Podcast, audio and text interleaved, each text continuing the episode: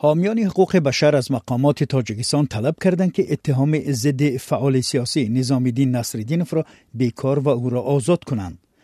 بیانیه کمیته نروژی هلسینکی دیدبان حقوق بشر فریدم فور ایورازیا و فریدم ناو روز 11 سپتامبر نشر شد.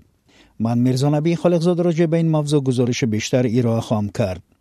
نظام الدین نصرالدینوف عضو پیشین گروه 24 سالهای اخیر همراه خانوادهش در آلمان میزیست. او را ماه ینور امسال در بلاروس دستگیر و با وجود درخواست سازمانهای بین المللی به تاجیکستان فرستادند.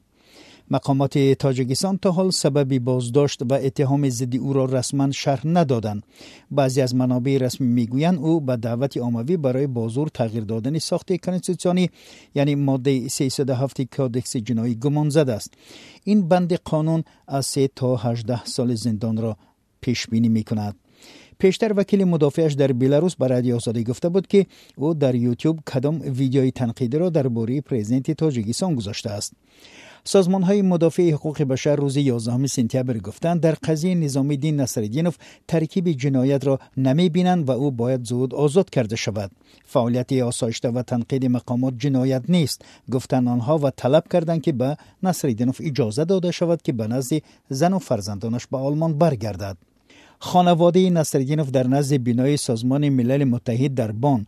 چهار سازمان حکومت را برای موج نوی بحران حقوق بشر در تاجیکستان سرزنش کردند.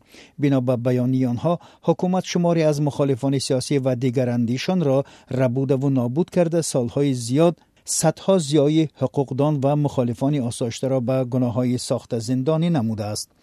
در ادامه حکومت تاجیکستان برای سرکوب رسانه های آزادی بیان و منع مخالفت سیاسی نیز تنقید شده است. نمایندگان سازمان ها گفتند شکنجه در نظام محبس های تاجیکستان یک تجربه معمولی است و بیجزایی برای ویران کردن حقوق آدمان همچنان باقی است. واکنش جانب تاجیکستان به بیانیه چهار سازمان حامی حقوق بشر هنوز معلوم نیست.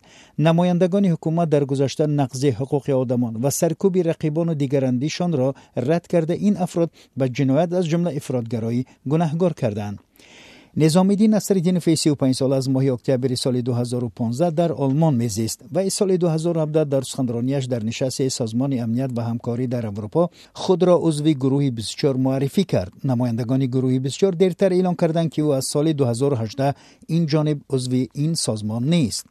دوستانش گفتند سالهای اخیر نصرالدین به تجارت ماشین شغل داشت و ماه ینور امسال با همین هدف به بیلاروس رفت و در سرحد بازداشت شد. پیوندان نصرالدینوف 8 سپتامبر در نزد دفتر سازمان ملل در شهر بان جمع شده آزادی پدر و خانواده را طلب کردند. در همین حال چند مورد اخراج پناهجویان تاجیک از کشورهای اروپایی و در تاجیکستان زندانی شدن آنها رسانه‌ای شده است. حزب الله شاولی زاده یک عضو حزبی در تاجیکستان ممنوع نهضت اسلامی سال 2020 از افستریا به تاجیکستان استرداد و به 20 سال زندان محکوم شد مقامات آلمان در ماه ینور امسال عبدالله شمسیدین پسر یکی از فعالان حزب در تاجیکستان ممنوع نهضت اسلامی را به دوشنبه فرستادند. به خبر دیدبان حقوق بشر او به هفت سال زندان محکوم شده است. چندی از سازمان های حقوق بشر تصمیم آلمان را تنقید کرده رهاییش را از تاجیکستان خواستند ولی عکس صدای نگرفتند.